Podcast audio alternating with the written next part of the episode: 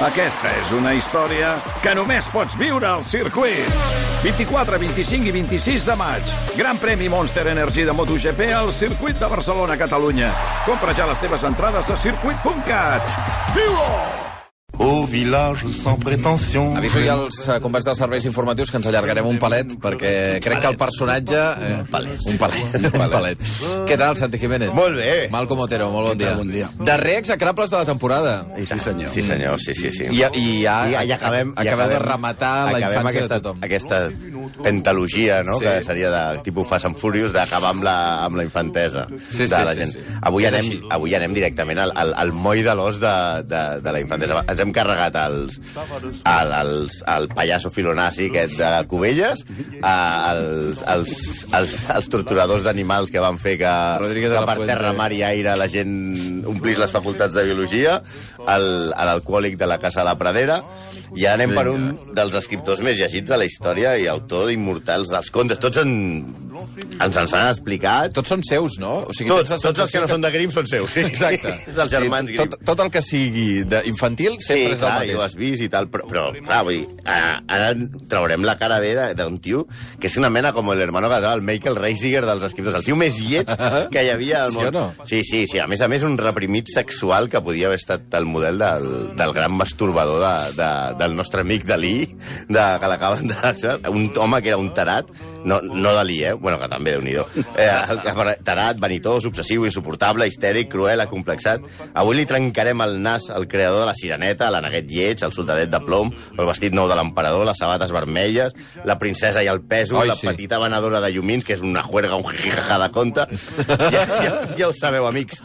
Ja podeu llançar els contes i comprar l'últim de la patrulla canina, perquè avui i per sempre esmicolem a Hans Christian Andersen. Soy distinto. No respiro Però què és això? Sí, sí. Això és l'aneguet lleig, la cançó de l'aneguet És lleig. el Patito Feo? Sí, sí. Un, un cop sentit, un cop sentit aquest tema talladenes... Quina tristor, eh? Per cert, penseu quines coses li poseu als vostres fills, sisplau. Sí, sí, Sí, sí. important, important. Anem, anem per, per Hans. Això se suposa que és per nens, eh? Que Sí, sí, sí, sí, fa se suposa. Bueno, és, una, Però és el- és una versió Albert Pla. de- És Albert Pla, És una no? mica Albert Pla fent de- d'aneguet lleig, eh? Sí, sí. Ai, ai, ai. Fa por, si no, abans de res, i això no, no, no, és, no és culpa seva, pobret, Andersen era Otoe lleig. Sí, eh? Però Sí, però- Otoe, eh? Tenia gegantisme i era totalment desproporcionat. Era com el seu aneguet lleig, però en lloc de convertir-se en signe, ho fa en Godzilla, no? De fet, la descripció que ell fa al conte de l'aneguet lleig, o sigui, Andersen és, diu de, de l'aneguet, diu, era molt llarg i molt lleig.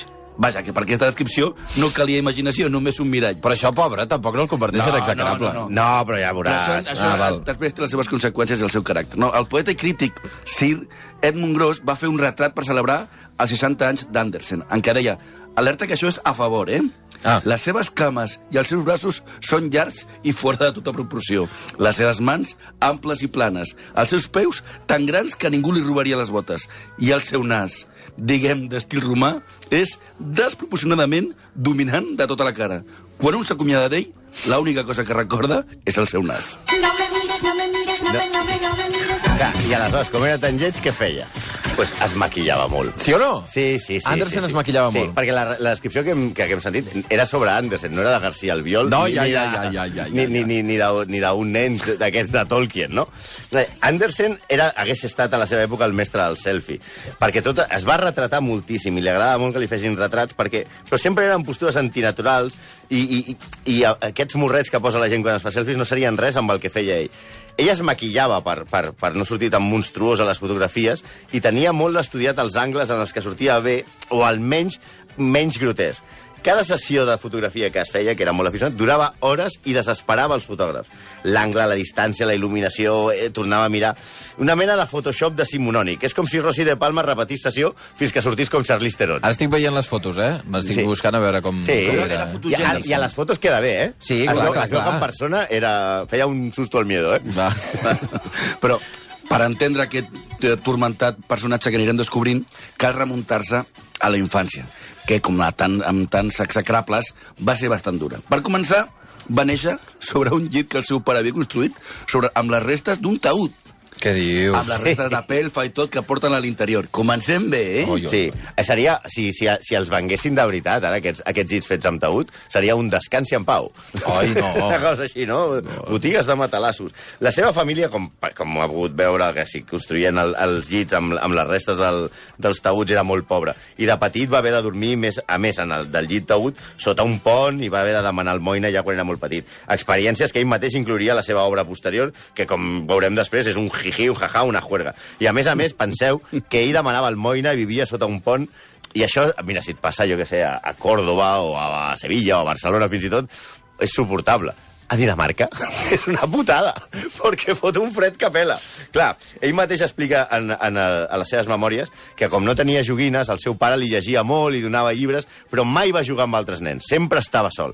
Hans, ja hem dit, era un nen d'aspecte diferent, monstruós, i amb uns terrors patològics que li provocaven, a més a més, atacs d'histèria tan bestials que arribava a convulsionar. Algun metge el va diagnosticar erròniament que tenia epilèpsia, el que tenia era dos bufetades, també, el nen, eh?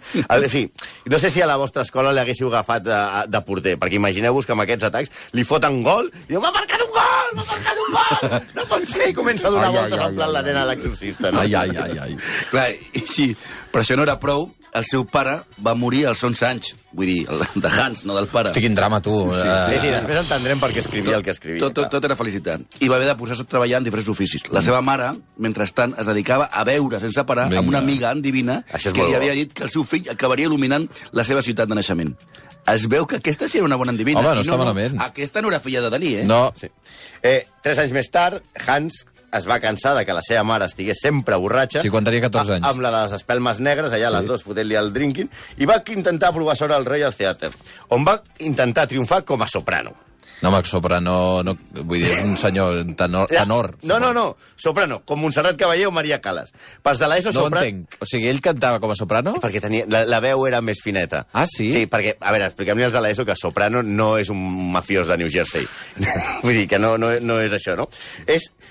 Eh, eh, ell, clar, evidentment comença a cantar, intenta entrar com a soprano, i això, evidentment, aquest conte tampoc té un final feliç. A Hans, clar, evidentment, quan ja es comença a ser gran, 15-16 anys, li canvia la veu. I enmig d'una funció, la Calas es converteix ja en Joaquín Sabina. Aquí la gent, aquí ja es va acabar la seva carrera als escenaris, i la gent de l'òpera el va prendre per un llunàtic perquè ell intentava seguir sent soprano. Però això no és res. Descartada l'òpera, va voler ser ballarí. I ja hem dit que, principalment, no és que fos el tio amb el cos més coordinat del món. A més a més, ell mateix reconeix que va ser, era molt, molt mandrós i que no, no, no li va sortir això de la disciplina de dansa. Ell mateix reconeix que aquells van ser els anys més foscos de la seva vida. I penseu que la seva vida va ser més fosca, fosca, va ser és més fosca. que un quarto de la metro, eh?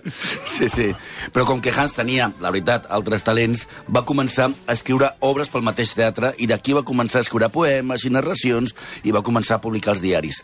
Va passar per la universitat i amb 24 anys i era un autor reconegut i amb, i amb certa fama. Tot i que ell va afirmar que, que el que de veritat li interessava era la literatura seriosa i especialment els llibres de viatges. Això és literatura seriosa, els llibres de viatges. Per eh? ell, que no tenia cap interès amb els contes de fades. Sí, Era a ell no li agradaven els contes de fades, sí. No. És amb el que va fer. Al, al teatre es va enamorar perdudament del fill de l'amo, Edward Collin, perquè eh, ell no tenia molt clar si li agradaven les dones o li agradaven els homes. Uh -huh. Ell li escrivia cartes que deien coses com cometes, la nostra relació és com els misteris, no ha de ser analitzada. O, cometes, pateixo per tu com una jove calabresa. Curiosa expressió, que haig de dir. Jove calabresa. Sí, perquè jo he vist el carrer Calàbria i no he Ah, notat sí? res estrany en les meves veïnes. Vull dir, aquest, aquest, aquest furor calabrès no l'acabo d'entendre, no? Ell, ell sempre tenia un amor no correspost. Colin, l'objecte de passió de Christian Andersen, va dir molts anys després que no va correspondre a Hans, li havia fet molt de mal a l'escriptor, ell ho reconeixia.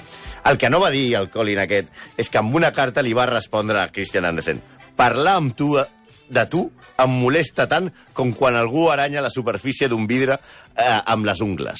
Sí, imagineu-vos, sí. sí un, un contigo no bicho, però del segle XIX. Sí, sí, molt mac, molt maca aquesta. Están clavadas dos cruces en el monte del olvido.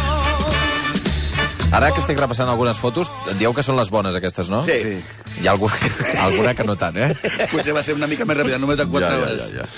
No, doncs aquesta cançó tindrà un sentit perquè hem de dir una cosa, sembla ser que Hans va morir verge. Ah. Pels de l'ESO. Pot passar. Pot passar. O sigui, no, no, no us desespereu. Sí, tu però no és un normal, eh? Tu t'atabalis, però hi ha hagut casos, eh?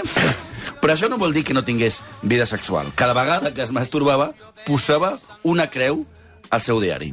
I, òbviament, hi havia moltes marques. Posava una creu al diari, és que, querido diari, avui he anat a sopar, no sé què, tal, tal, i al costat hi havia unes Ai. creus cada vegada que se la pelava, no? Ai, ai, ai, va. Els seus diaris semblen de tantes creus al cementiri d'Arlington. Aquest és el senyor que escriu l'Aneguet Lleig, eh? Sisplau. Un pajillero de manual. Va! bueno, ell especialment eh, es fa moltes creus especialment en el que ell mateix va definir com el seu període eròtic, que va incloure un viatge a París on, on ell s'anava de senyoretes Sí. i es passava la nit eh, amb elles a l'habitació sense tocar-les i parlant amb elles. Tornava a l'hotel i vinga a posar creus. Sí, de fet, qualsevol cosa li portava a apuntar Otoe Creus al seu estimat diari. Ja m'enteneu. Com quan va, es va enamorar de Ribor Boyd, que té un nom tan, tan, tan maco, no? Germana d'un amic. La va veure passant camisa de dormir un cop i la va, li va posar un, mare, un parell de marques. Entenem que eren seguides, eh? Marca, Sí, marca. sí, sí. Després, desesperat... Que tenia un braç que, vamos, un pelotazo. Vinga, va. Codo, de tenista, codo de Oh, tenista. Després, hosti, desesperat, va escriure, literalment, Déu, dona'm una raó per viure, dona'm una nòvia. I no és Jean Paul Desgrava, eh? Boyd i ella va mantenir, la veritat, una encesa correspondència i ella volia que la deslliurés del seu compromís amb el seu xicot. Imagineu com havia, havia de ser l'altre perquè preferís a mano ràpida Andersen. I fugissin junts, però mai va passar. Quan Andersen va morir, li van trobar una bosseta lligada al coll amb una de les cartes de Ribor Boyd. També es va enamorar d'una soprano. Jenny Lind, que Aquesta tampoc... de veritat, eh? Aquesta era soprano veritat, que tampoc... Eh, que li deien el, el rossinyol suec en l'època. Pues, mira com posa les, les coses la premsa. Que tampoc li va correspondre. I del gran, també es va enamorar també del gran duc de Weimar, Karl Alexander von Saxe. Hem dit Saxe, eh?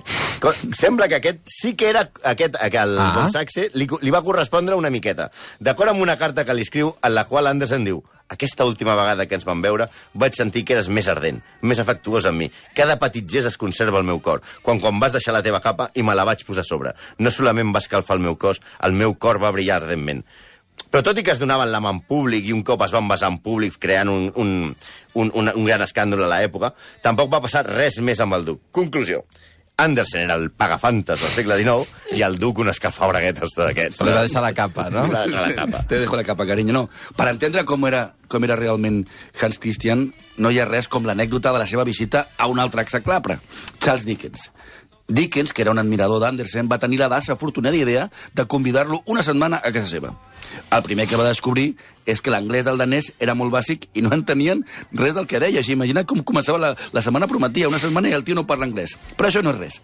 Andersen necessitava ser tot el temps al centre d'atenció i s'alterava quan el matrimoni Dickens, que a sobre estava en plena crisi matrimonial, Recordem que Dickens estava liat amb tot el que tenia Sí, per davant. sí, sí. Clar, Ens bueno. vas explicar això. Sí, sí. pues en, en, en aquesta situació matrimonial, quan no li feien casa a, a Andersen, posava, s'emprenyava com, com un mono.